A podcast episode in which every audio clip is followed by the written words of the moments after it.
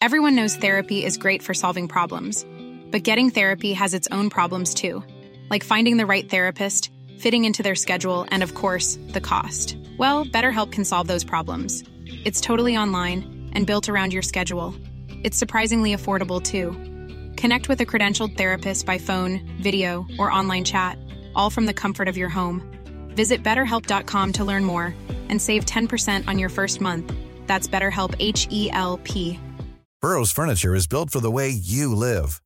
From ensuring easy assembly and disassembly to honoring highly requested new colors for their award winning seating, they always have their customers in mind. Their modular seating is made out of durable materials to last and grow with you. And with Burrow, you always get fast, free shipping. Get up to 60% off during Burrow's Memorial Day sale at burrow.com slash ACAST. That's burrow.com slash ACAST. burrow.com slash ACAST. I'm Sandra, and I'm just the professional your small business was looking for. But you didn't hire me because you didn't use LinkedIn jobs. LinkedIn has professionals you can't find anywhere else, including those who aren't actively looking for a new job but might be open to the perfect role, like me. In a given month, over 70% of LinkedIn users don't visit other leading job sites. So if you're not looking on LinkedIn, you'll miss out on great candidates like Sandra. Start hiring professionals like a professional. Post your free job on linkedin.com/people today. Jag heter Nils Bergman och du lyssnar på del 1 om mordet på Lisa Holm. Šnekam nieko blogo nesu padaręs. Aš Jag har aldrig gjort någon illa någonsin. Du ser ut att må dåligt. Tai žinoma blogai tokiais dalykais kaltinu. Ja, men det är klart dåligt du vet. Anklagar för sådana saker. Papasakoti, jeigu aš nieko nežinau? Vad ska jag berätta? Jag vet ingenting. Med alla de träffresultat som finns så har jag svårt att tro att du inte har något att berätta. Neįsivaizduoju, aš Jag har ingen aning.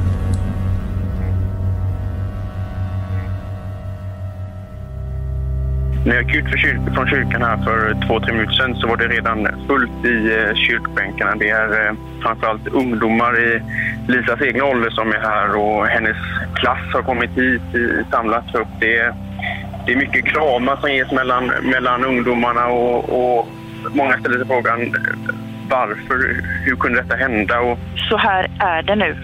Det är ju så att vår stad har eh, på något sätt hållit andan under en veckas tid och hoppet har ju ändå funnits någonstans att hon skulle ha återfunnits levande. Nu blev det inte så och eh, vi vet var hon var men frågorna är ju stora. Varför? Hur känner du personligen en sån här dag? Eh, ja, tufft. Du var inne på det just, en tanke till föräldrarna.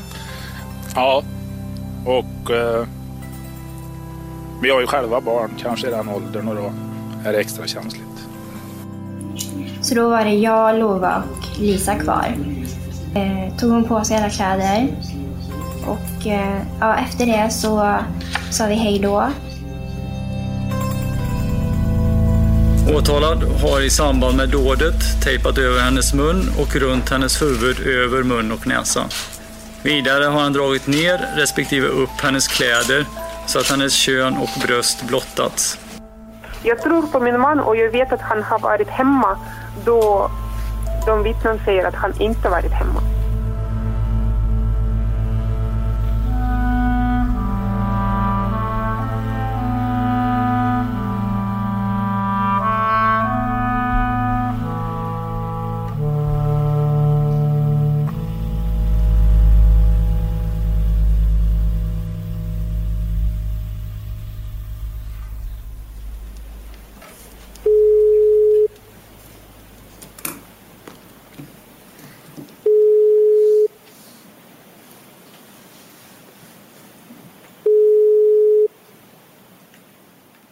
Det är den 3 november 2015 och den sista förhandlingsdagen i rättegången mot Nerius Bilevicius.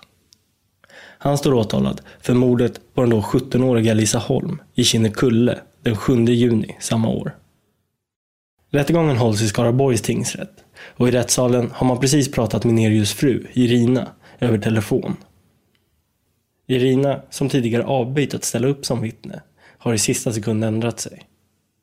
Och under det förhör som hålls med henne ändrar hon även sina uppgifter mot vad hon tidigare sagt i polisförhör. Uppgifterna som hittills lämnats har dock varit svåra för åklagaren och för försvaret att få klarhet kring. Och Irinas tolk har tidigare meddelat att hon har ett annat åtagande som hon nu måste iväg på. Tingsrätten har därmed ordnat en annan tolk som ska hoppa in under det resterande förhöret.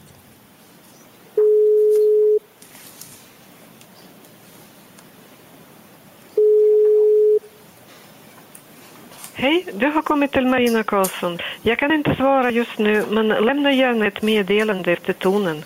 Tack och hej. Men det visar sig inte gå så bra. Oh. Ja, kring det nyss, tolken blir nervös och vill inte tolka helt plötsligt. De jobbar på en ny tolk och återkommer inom några minuter. Ja, då måste vi ta på oss. Tolken blir nervös? Ja, tolken blir nervös och vill inte tolka. Den nya tolken blir för nervös och vill inte längre ställa upp. Och man har för ont om tid för att hitta någon ny.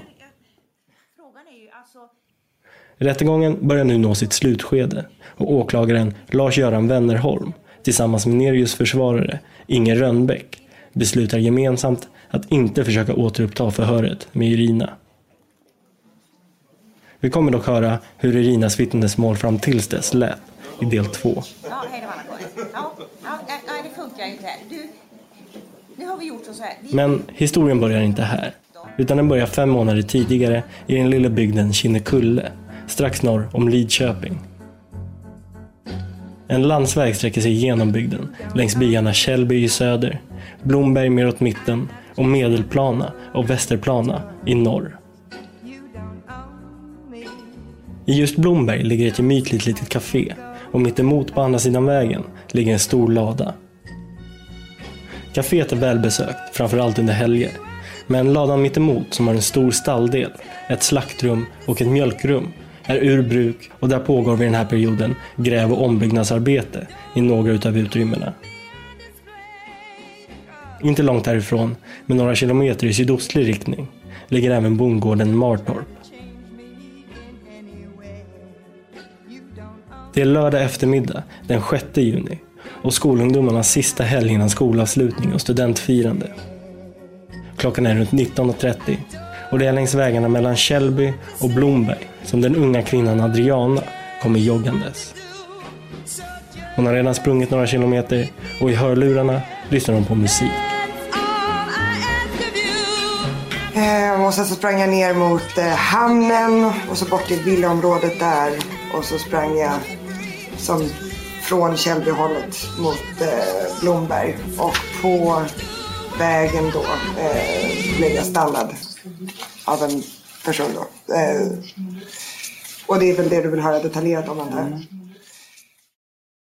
Adriana hade tidigare under dagen gått runt med sin svärfar och tittat på den nya ombyggnationen i ladan och då på långt håll sett några litauer som jobbade där. Hon tror därför att det är en av svärfaderns anställda som nu står där utmed vägen och behöver hjälp. Och han eh, vinkade och min första tanke var då att det här är Arnes anställda. Det är klart att han verkar vilja någonting så jag ska jag höll ju på och sprang så jag var inte jättesugen på att stanna. Men då tänkte jag det är klart att jag ska hjälpa honom. Och så stannade jag och så frågade han om eh, vägen till Medelplana. Som inte ligger särskilt eh, långt därifrån och inte så komplicerat att köra dit heller. Men jag, det hade jag ingen aning om. Jag är inte så eh, kunnig om området. Så att jag tog upp på mobilen och så visade jag honom. Eh, jag sökte på vägen så som man kan göra. Så att kartan visar upp hur man ska köra. Och så visade jag upp det. Och, ehm, och han sa att han inte riktigt förstod. Ehm, så han pekade mot bilen och frågade om jag inte kunde visa på hans karta istället. Ehm, och det här, ja, det har jag ifrågasatt hos mig själv ganska många gånger nu. Vad som fick mig att inte visa honom. Men eh, jag vet fortfarande inte. Men, men ehm, men det var någonting som var obehagligt. Han var lite stressad och lite svettig och lite komplicerad så. Så att jag fick bara en känsla av att eh, jag skulle kanske inte gå till hans bil. Så jag sa att det ligger ditåt och sen sprang jag vidare. Adriana uppger även att hon inte är en speciellt orolig person. men att hon trots det fick en dålig känsla utav mannen hon möter. Senare, vid en fotokonfrontation, är hon något osäker på mannens utseende. Och hon har beskrivit en bil som inte stämmer helt överens med utseendet på Nerius bil. Men när hon i rättssalen ser den tilltalade, Nerius, känner hon sig säker på att det var han hon såg där, längs vägen. Jag ska be att du tittar på, på åtalet där. Om du känner igen honom. Ja, jo men det är han. Som stoppade dig. Jag trodde faktiskt inte att jag skulle eh, känna igen honom. Eh, för det var svårt på bilderna. Men, men eh, det är han. Det är han.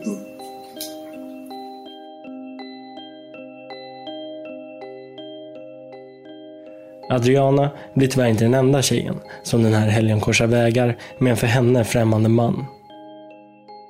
På kaféet i Blomberg, som ligger nära platsen där Adriana blev stannad, jobbade sedan några veckor tillbaka den 17-åriga tjejen Lisa Holm. Eh, Lisa är väldigt lik mig när jag var ung. Eh, oerhört blyg i nya situationer. Men i en bekväm situation tar hon för sig. Hon beskrivs som blyg, men arbetsvillig och glad över sommarjobbet på kaféet, som Lisas pappa Stefan tidigare ordnat åt henne. Ja, det var hennes första jobb. Eh, vi har försökt länge att få ut henne då. Eh, och jag har en ganska stor bekantskapskrets. Eh, så man försöker ju liksom att hitta på jobb och, överallt. Och, Men hon blev liksom trygg. Hon har ju då, det blir ju en grupp man liksom jobbar internt där och sen... Ja, lite så. Jag vet inte vad jag ska säga. Eh, hur, hur många helger hade hon jobbat eh, innan det här hände?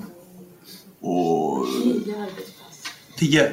Nio, nio arbetspass. Ja. Förlåt. Ja, okej. Jag träffade ju bara henne de få helgerna hon jobbade där. Mm. Eh, Så jag känner väl henne inte jätte, jätteväl, men jag är ju bekant med henne. Ja, just det. Det är nu söndagen den 7 juni. Klockan är runt 18 och på kaféet i Blomberg håller Lisa tillsammans med sina arbetskamrater på att stänga kaféet. En av arbetskamraterna är Rebecka. Hon har arbetat där länge och var den som lärde upp Lisa. Den här dagen då, den 7 juni, det var ju en söndag. Ja. Var det något speciellt som hände då när ni jobbade? Eh, nej, det var som en eh, vanlig dag. Ja. Eh, vi var ju fyra från början. Eh, jag skickade hem Julia, den yngre tjejen, lite tidigare för att det var så lite att göra. Så hon gick ju tidigare. Så då var det jag, Lova och Lisa kvar. Eh, och vi hade bara det sista kvar. Hon stod och packade brödet. Eh, eh, sen så eh, tog hon på sig alla kläder. Eh, och vi väntade tills hon hade liksom klätt på sig allting. Eh, och eh, ja, efter det så sa vi hej då. Och hon gick ut genom dörren och tog då till höger. Jag och Lova hjälptes åt att stänga då den här glasdörren. Eller jag larmade, låste den här glasdörren, stängde sedan den svarta porten och så hjälpte Lova åt mig att ja, ta den här stora haspen som vi har. Och sen så låste vi den och sen gick vi till bilen tillsammans. Och hur sa du nu med, med Lisa? Var hon med där när ni stängde dörren och sådär? Nej, då hade hon gått. Hon hade gått redan Ja. innan? Precis. Jag såg henne precis vända runt hörnet där, eller svänga av runt hörnet, när jag låste haspen. Där stod det metall. Eh, Och sen så blev det ju då, jag står i köket och eh, då ringer det. Och det är Lisa som ringer. Eh, Och jag svarar ju naturligtvis då. Men det blir Klockan 18.22 får pappan Stefan ett sms från Lisa, där det kort och gott står nu. Vilket han tolkar som att det är nu hon påbörjar sin färd hem på mopeden. Ett sms som var en överenskommelse sedan innan.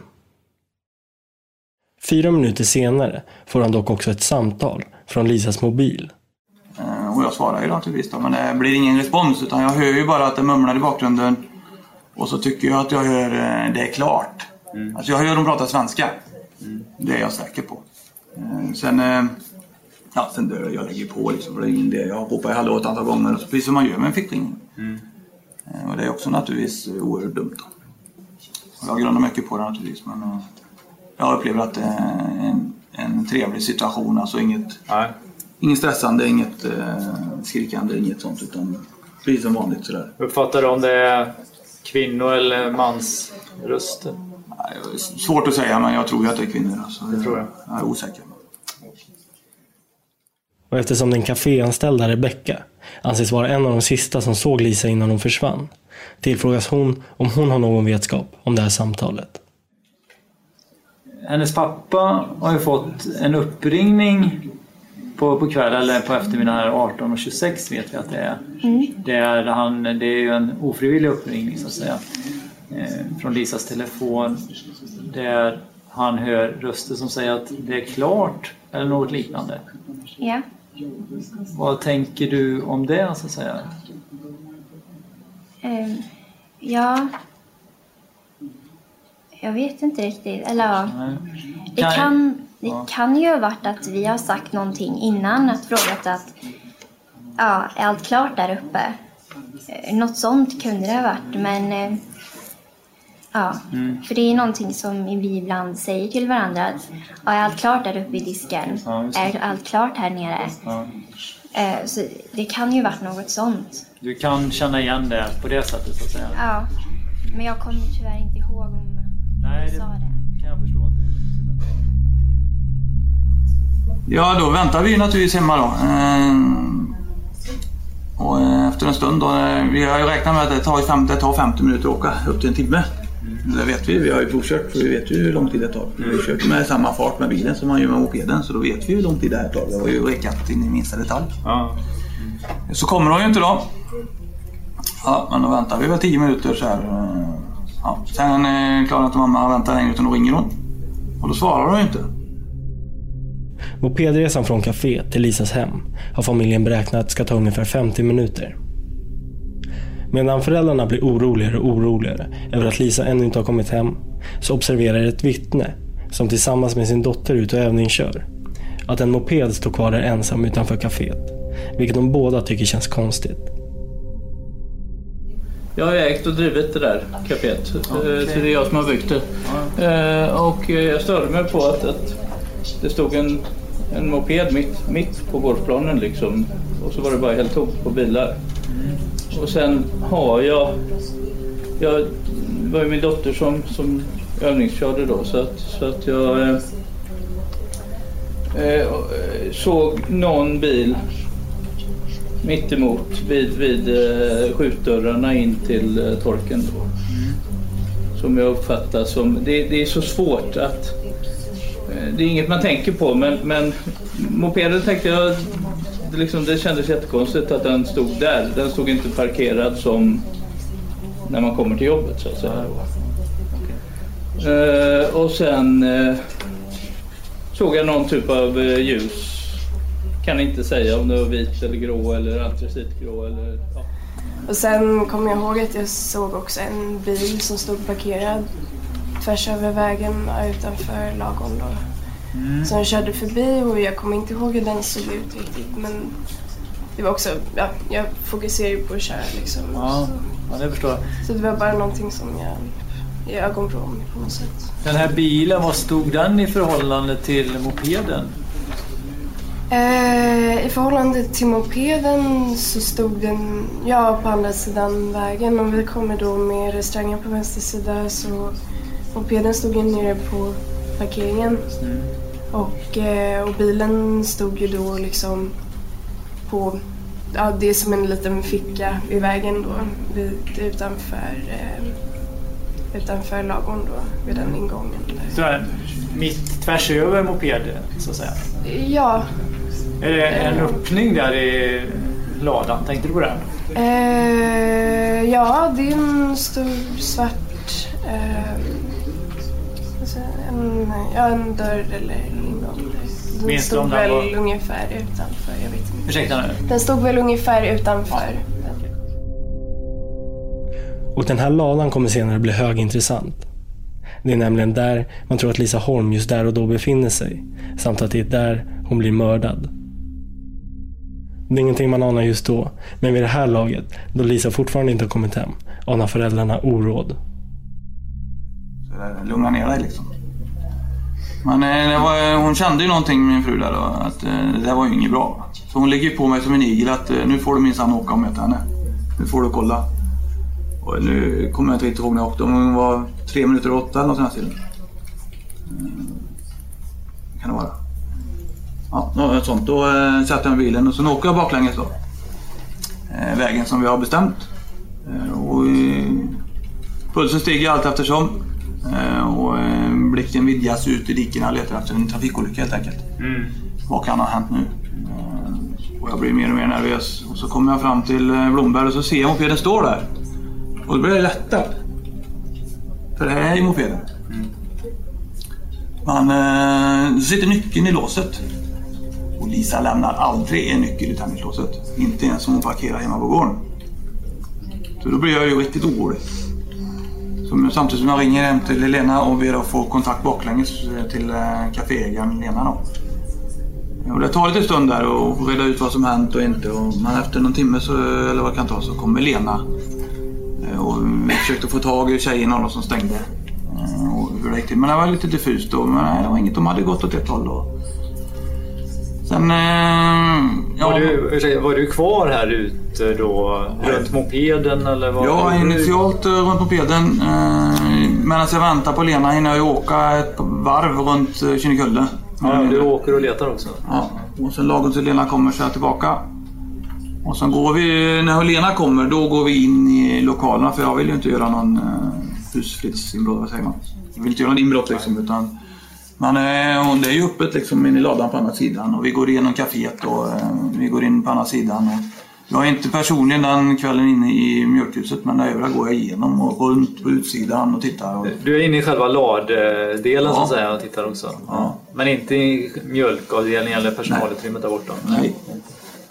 Eh, utan, och sen går vi runt där lite och sen eh, kommer jag inte riktigt ihåg vad som hände men eh, ja, jag gör, vi gör ju då det vi kollar busstidtabellerna som eh, hennes syster gör åt oss då. Kollar var de kan ha åkt. Och eh, jag åker till busstationen i Götene. There's never been a faster or easier way to start your weight loss journey than with PlushCare. PlushCare accepts most insurance plans and gives you online access to board-certified physicians who can prescribe FDA-approved weight loss medications like Wigovi and Zepbound for those who qualify. Take charge of your health and speak with a board-certified physician about a weight loss plan that's right for you. Get started today at plushcare.com slash weight loss. That's plushcare.com slash weight loss. plushcare.com slash weight loss. I'm Sandra, and I'm just the professional your small business was looking for. But you didn't hire me because you didn't use LinkedIn jobs. LinkedIn has professionals you can't find anywhere else, including those who aren't actively looking for a new job but might be open to the perfect role, like me. In a given month, over 70% of LinkedIn users don't visit other leading job sites. So if you're not looking on LinkedIn, you'll miss out on great candidates like Sandra. Start hiring professionals like a professional. Post your free job on linkedin.com/people slash people today. Millions of people have lost weight with personalized plans from Noom, like Evan, who can't stand salads and still lost 50 pounds. Salads, generally, for most people, are the easy button, right? For me, that wasn't an option. I never really was a salad guy. That's just not who I am. But Noom worked for me. Get your personalized plan today at Noom.com. Real Noom user compensated to provide their story. In four weeks, the typical Noom user can expect to lose one to two pounds per week. Individual results may vary. Och nu har det gått ut ett larm om att Lisa är försvunnen. Polismannen Magnus Stenlilja arbetade under söndagskvällen den 7 och sökte med hund efter Lisa, bland annat i just denna lada. Men när Magnus var där, runt 23.30, hittar man inga spår efter den försvunna Lisa. Däremot visar spårhunden intresse för en hög med avföring, vilket senare kommer visa sig vara mänsklig avföring, tillhörande Nerius bilevicius.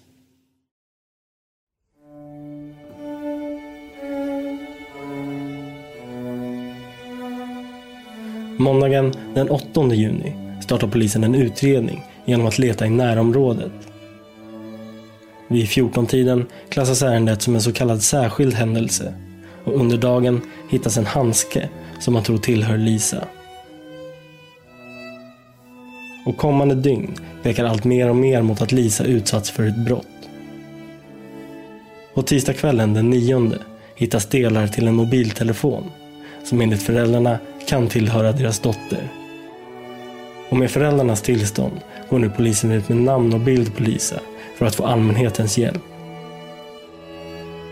Sveriges Radio rapporterar. Jag tror att vi la ut den här eh, efterlysningen efter Lisa Holm på våran Facebook, eller våra Facebook-hemsidor i Skaraborg under tisdagen vill jag minnas. Eh, och efter det så exploderade ju eh, tipsen och det hade kommit in mycket tips redan innan. Så det är klart att det var eh, ett kaos inledningsvis, det blir det ju. Vi har ju inte, som jag tänker att många andra organisationer, så har ju inte vi en organisation som 100% står standby för den här typen av händelser, utan där och då. Under onsdagen utökas polisens sökområde längre söder och österut från kaféet. Och organisationen Missing People kopplas in. Ja, det som kommer att ske är när jag har fått kontakt med polisen nu och vi får sökområde så kommer jag se ut en samlingsplats där vi kan ta emot för vi räknar med väldigt mycket folk. Vet du ungefär var ni kommer att eh, bli behjälpliga för polisen? Nej, jag kan inte svara på det nu. Jag hörde ju bara radiointervjun förut och det verkar ju som Blomberg är det området som vi kanske ska upp och söka i.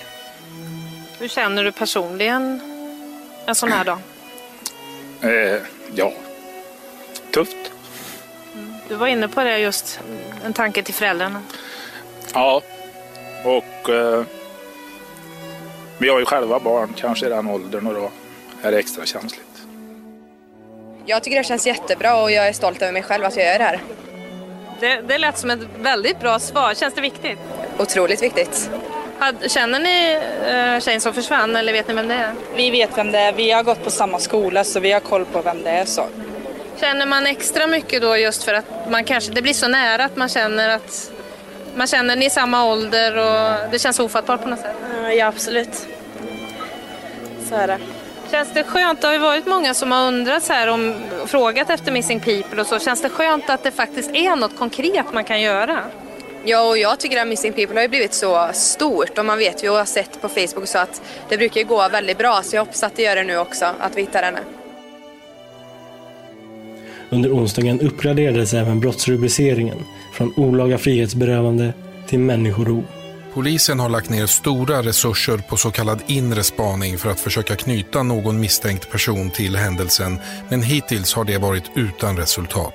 Eh, vi har ingen eh, person idag som är misstänkt eh, utan vi tittar på många delar och självklart så försöker vi kartlägga om det finns några personer som kanske rör sig i det här närområdet, om det finns någon historiskt tillbaka Eh, vi tittar på modus. Eh, ja, vi, vi vänder i stort sett på vända sten som det ser ut just nu. En stor resursökning nu på morgonen. Vi har haft resurser igång under natten. Eh, arbetet fortsätter i helt oförminskad styrka vill jag absolut påstå. vad det gäller området så har vi utökat det ytterligare nu då. Vi känner att vi är ganska klara i, i de centrala delarna utifrån de fynden som har gjorts. Eh, fynden har ju legat och funnits i de områden där vi har koncentrerat sökningarna så att där har vi nog känt att, att vi, vi, har legat ganska rätt. Däremot så känner vi att vi vill göra området om än ännu större då så att nu, nu, nu... Lisa Holms försvinnande har nu blivit en riksnyhet. Det är annars mycket lugna Kinnekulle kryllar nu av nyhetsreporter och Lisa Holms namn är på alla släppar. Det kommer dröja ytterligare ett par dagar innan man hittar henne men under följande dygn hittar man fler och fler fynd kopplade till Lisa.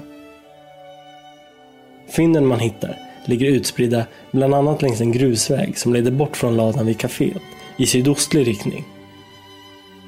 Man hittar ytterligare delar av hennes mobiltelefon, hennes Visakort, nyckelknippa och mopedkörkort. Grusvägen som fynden hittas kring bedöms som något undangömd och som man enbart bör känna till om man själv är bekant med området.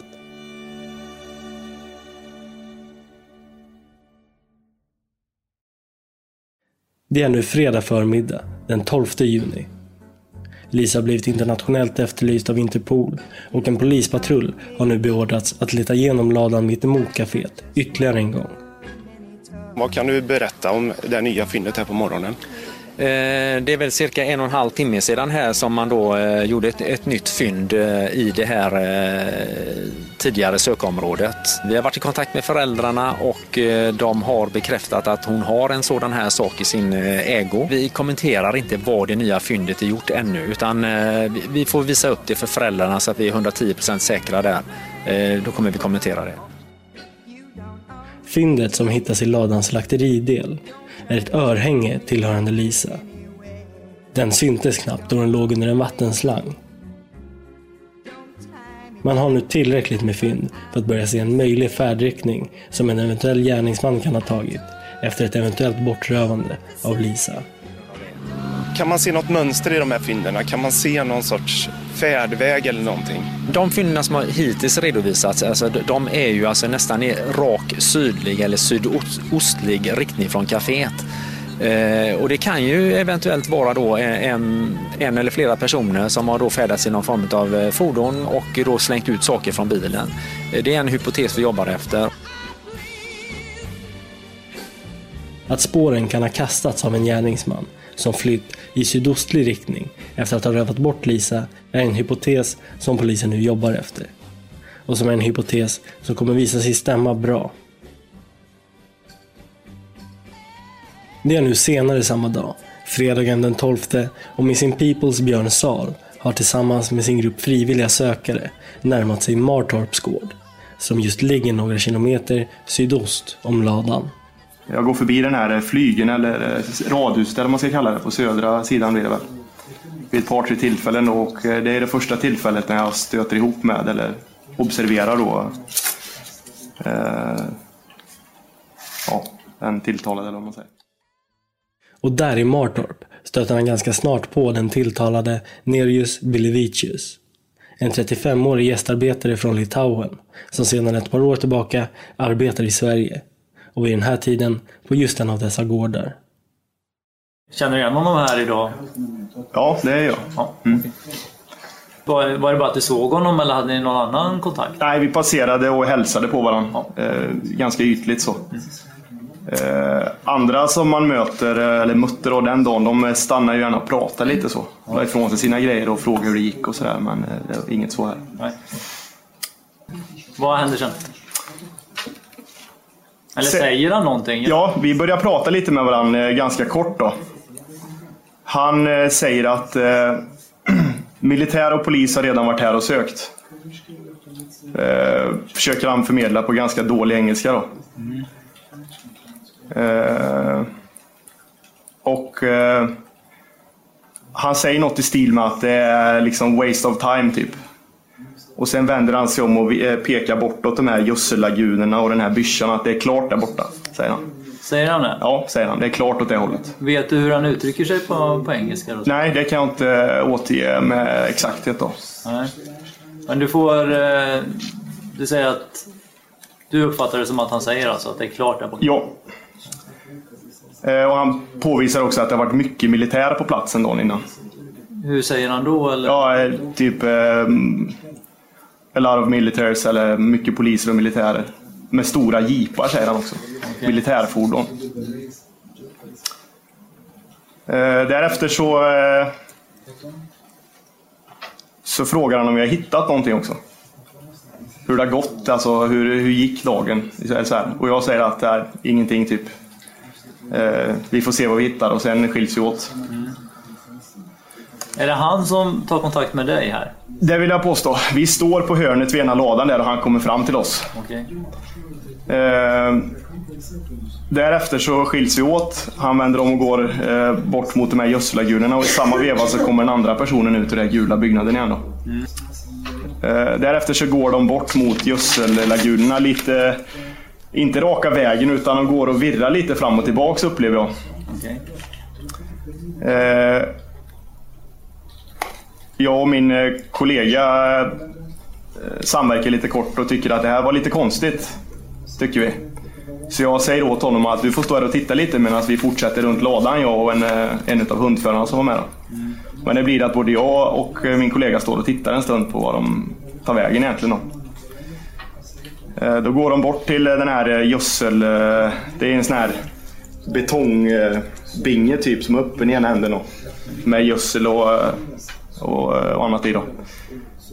Eh, och ställer sig och skyfflar ut gödsel eh, ganska, ska jag säga, planlöst på något vis ser det ut. Jag undrar vad de gör. Vi tittar på varandra och frågar vad håller de på med liksom. Mm. Samtidigt som jag upplever att de tittar åt vårat håll och försöker följa oss vart vi tar vägen. Okay. Så både jag och David tycker att det här känns, min kollega tycker att det här känns lite konstigt. Så. Björn beskriver att de står kvar någon minut och tittar, men fortsätter sedan runt ladan söderut. När de kommer tillbaka inser de att det finns en hel del högar och annat bråte runt omkring som de bedömer vara intressanta att leta i. Eh, min kollega går runt den här jordhögen och tittar. Jag och den här eh, hundföraren går fram till byssan och tittar. Hundföraren där är först fram och öppnar dörren och eh, ja, vänder sig om direkt och säger här luktar det råttskit eller något säger hon.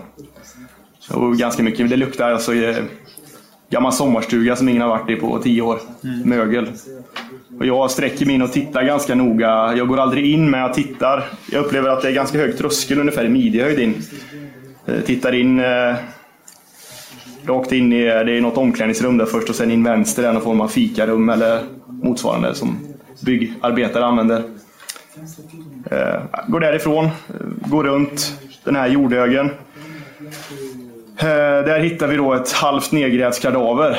Någon form av eh, kossa eller tjur eller något som är halvt nedgrävt.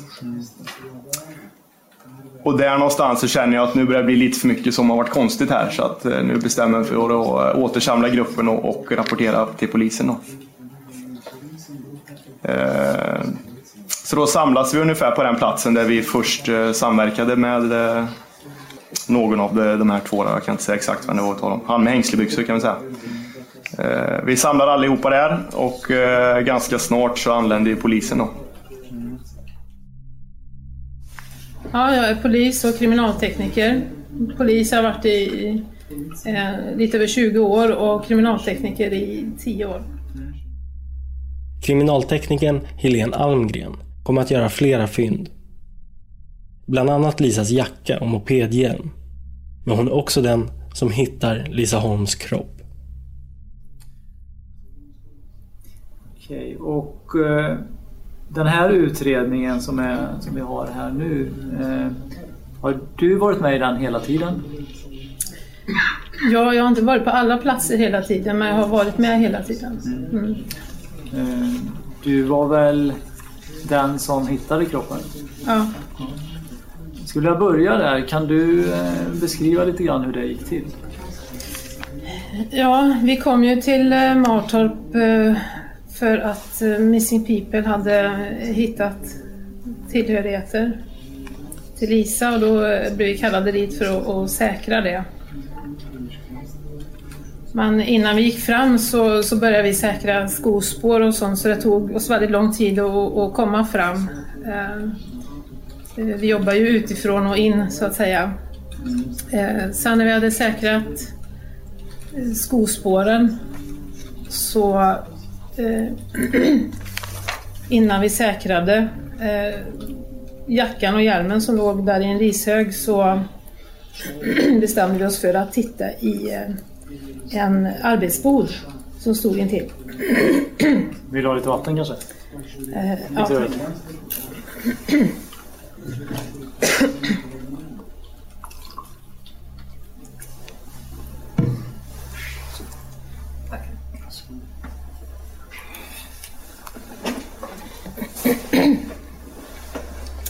Och eh, Anledningen till att vi ville titta på den då, det var att eh, vi såg att några eh, grenar eh, var, eh, var instuckna i, i dörren, som hade fastnat i dörren. Men, men samtidigt så var det liksom ingen det var igenväxt framför så det var ingen gång in till dörren mer än att det låg lite ner och sen satt det lite in i dörren. Så då blir man ju kände att här måste vi in och titta. Och eh, eh, när jag öppnade dörren så kände jag en, en lukt som jag, som jag känner igen och att eh, någonting är dött här inne. Och, eh, och jag tittar in då och så ser jag en, eh, det är alltså eh, först kommer man in i ett rum där det är klädskåp och sen till vänster så är det ett, ett bord och ett par, några stolar och sen är det en, en bänk med lock på som man kan lyfta. Och då så kände jag att där, där kan det nog vara som, som eh, Lisa ligger. Eller något annat då. Eh, så jag försiktigt då, för att inte förstöra några spår här, eh, tog mig till den här soffan. Träsoffan. Ja, vi fotade upp först. Tog mig till träsoffan och så lyfte och eh, där fanns ingenting. Och det gjorde mig ganska förvånad faktiskt för jag, jag trodde att det var där. Ehm, sen då så eh, ja, tittade över utrymmet och, och, och, så tänkte jag att jag skulle titta igenom alla skåp. Och då var det ett antal skåp varav ett var, var öppet. Och där låg det en massa, massa kläder och det såg ut som en hög med kläder. Så eh, jag tänkte jag kollar de andra skåpen. För det är mer troligt att det finns någon eh, där. Eh, men de var, det fanns ingen i någon utav dem. Och eh, det sista jag gjorde då, det var att eh, lyfta lite på klädhögen och då såg jag eh, Lisa. Mm. Så det var det sista utrymmet du kunde tänka dig egentligen här inne i den här borden som hon faktiskt var? Då. Ja, minst troliga utrymmet. Det var alldeles för, för litet. Både skåpet och, och höjden och, och eh, ja. Kan du kort bara beskriva hur, hur hon låg? Ja, hon satt eh, med ryggen mot eh, bakdelen av skåpet. Lite snett, huvudet framåtlutat. Och och eh, sen, så, sen så var kroppen vriden. Så att det som var ytterst i skåpet det var, det var smalbenen som stack upp. Och, och knäna ner i nederdelen på skåpet. Det var en eh, onaturlig vinkel.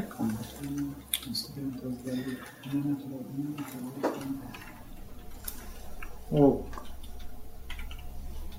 ni fick då försöka få ut henne ur, skåpet här då? Mm. Och eh, hur gick det? Ja, det, det, vi funderade länge innan vi eh, påbörjade det här. Till att börja med så, så beställde vi eh, rättsläkare till platsen och bestämde att vi ska avvakta tills hon kommer så att hon får vara med hela vägen. Eh, och vi funderade mycket på hur man skulle göra om man skulle vara tvungen, för det var ju väldigt trångt trångt i skåpet och vi insåg ju att det, det kommer vara väldigt besvärligt att, att, att få ut kroppen. Så eh, vi funderade på om vi skulle såga eller um, hur vi skulle göra. Men vi beslutade ändå för att eh, vi gör ett försök att få ut Lisa för eh, minimera skador egentligen. För jag menar sågar vi så kan ju det också förorsaka skador. Mm. Och um, det var, det var inte lätt. Eh, vi, vi, var väl vi var fyra stycken som fick eh, hjälpas åt. Och vi fick väl eh, ja, ta i allt vi kunde allihop. Mm. Okay. Och sen så säkrade ni kläder och så. Kan du berätta lite grann om hur ni gjorde då? Ja. Um, just kläderna som satt på hennes byxor var neddragna, dubbla byxor. De säkrade vi i eh, innan vi lyfte ur Lisa ur skåpet. Vi säkrade eh, trosorna som satt längst, ja. Eh, byxorna var alltså, det var dubbla byxor och de var neddragna. Så vi drog av dem. Behöll dem precis som de var och hade förberett med eh, rent papper så vi bara liksom skulle lyfta dem från punkt A till punkt B och så rulla ihop så fort som möjligt för att inte riskera något eh, kontaminering eller förändringar eller någonting. Och sen rullar vi in det här för att eh, behålla alltså så mycket som möjligt som det var. Och så gjorde ni då? Ja. Så gjorde vi med byxorna, de dubbla byxorna och, och eh, trosorna och strumpor och skor. Det som hon hade på överkroppen? Det, det väntar vi med tills vi eh, hade lyft ut för vi kom inte åt det. Ah, Okej, okay. detta gjorde ni innan ni... Innan urlyftningen. Ja. Och sen eh, när vi hade lyft ur så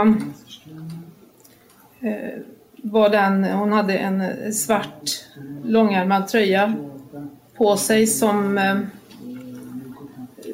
var trasig vid högerarmen och något vrängd så armen var i upplyft läge, högerarmen. Ja. Eh, och för att inte, samma sak där, för att skydda så mycket som möjligt så, så klippte vi upp tröjan som var uppdragen. Eh, BHn var uppdragen, den klippte vi också av i banden för att eh, vara så försiktiga som möjligt och rulla in på samma sätt. Tröjan och bhn klipptes upp och allt lades i separata papperspåsar för att förhindra kontaminering och förändring på beslagen. Tejpen togs bort då spår kan försvinna om den får sitta kvar i avvaktan på obduktion. Helene beskriver att hennes uppfattning var att tejpningen över Lisas mun och ansikte skett efter det att snaran anbringats runt halsen. Detta då man kunde se att håret låg emellan. I över fem dygn hade tusentals människor letat efter den försvunna Lisa Holm, som nu har hittats. Det var tidigare under den här fredagen, den 12 juni, som Lisa själv skulle ha firat sin skolavslutning från gymnasiet. Kring midnatt, natten till den 13 juni, kliver polisens presstalesperson Jenny Widén ut från barackerna vid fotbollsföreningen Källby IFs klubblokaler. Lokaler som de senaste dagarna fungerat som polisens sambandscentral i sökandet. Stämningen är tryckt när Jenny Widén kliver ut i sommarnatten framför det stora pressuppbådet. Ska vi se, kan ni backa lite grann så ska jag komma ut. Polisen har eh, under kvällen anträffat en avliden person och vi bedömer att med största sannolikhet så är det den försvunna Lisa Holm. Anhöriga är underrättade om detta. Hon har hittats i det tidigare aktuella sökområdet och polis. Det är en teknisk undersökning som pågår. Den kommer pågå hela natten. Eh, de här tre personerna som hämtades in till förhör idag de sitter i förhör fortfarande. Och i nuläget så kommer vi inte att kunna lämna ut någon mer information utan det är en teknisk undersökning som pågår och förhör som pågår. Mm. Jag går inte in på vilka de tre personerna är utan det är tre personer som, som sitter i förhör just nu. Är en åklagare inkopplad? Vi kommer att lämna mer information imorgon. Är en åklagare inkopplad? Kroppen hittades idag under sen kväll har ingen exakt tidpunkt utan det var under kvällen idag. Jag har en fråga. Fyndet som gjordes i anslutning till att man hämtade in de här tre personerna, vad, kan du säga någonting om det fyndet nu när vi ändå vet det tragiska resultatet här? Det har ju gjorts eh, fynd eh, löpande och det har gjorts fynd idag men jag kan inte gå in på, på dem. Det här har ju... Innan eller efter man eh, tog in de här tre personerna till förhör? Jag kan inte svara på det i nuläget. Har en åklagare tagit hänsyn till ett eventuellt ansvar? Det säger alltså polisens presstaleskvinna Jenny Widén som alltså var den som fick lämna det här fruktansvärt tunga beskedet. Det är givetvis eh, någonting som kommer prägla den här bygden för lång tid framöver och eh, många har mycket, många tankar just nu och vi kommer fortsätta en stund till här att ha vår live-rapportering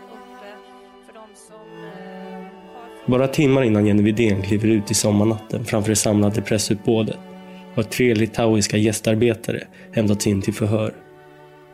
Dessa är Nerius Bilevicius, hans yngre bror Aivaras samt Nerius fru Irina. Mer om dem i del två.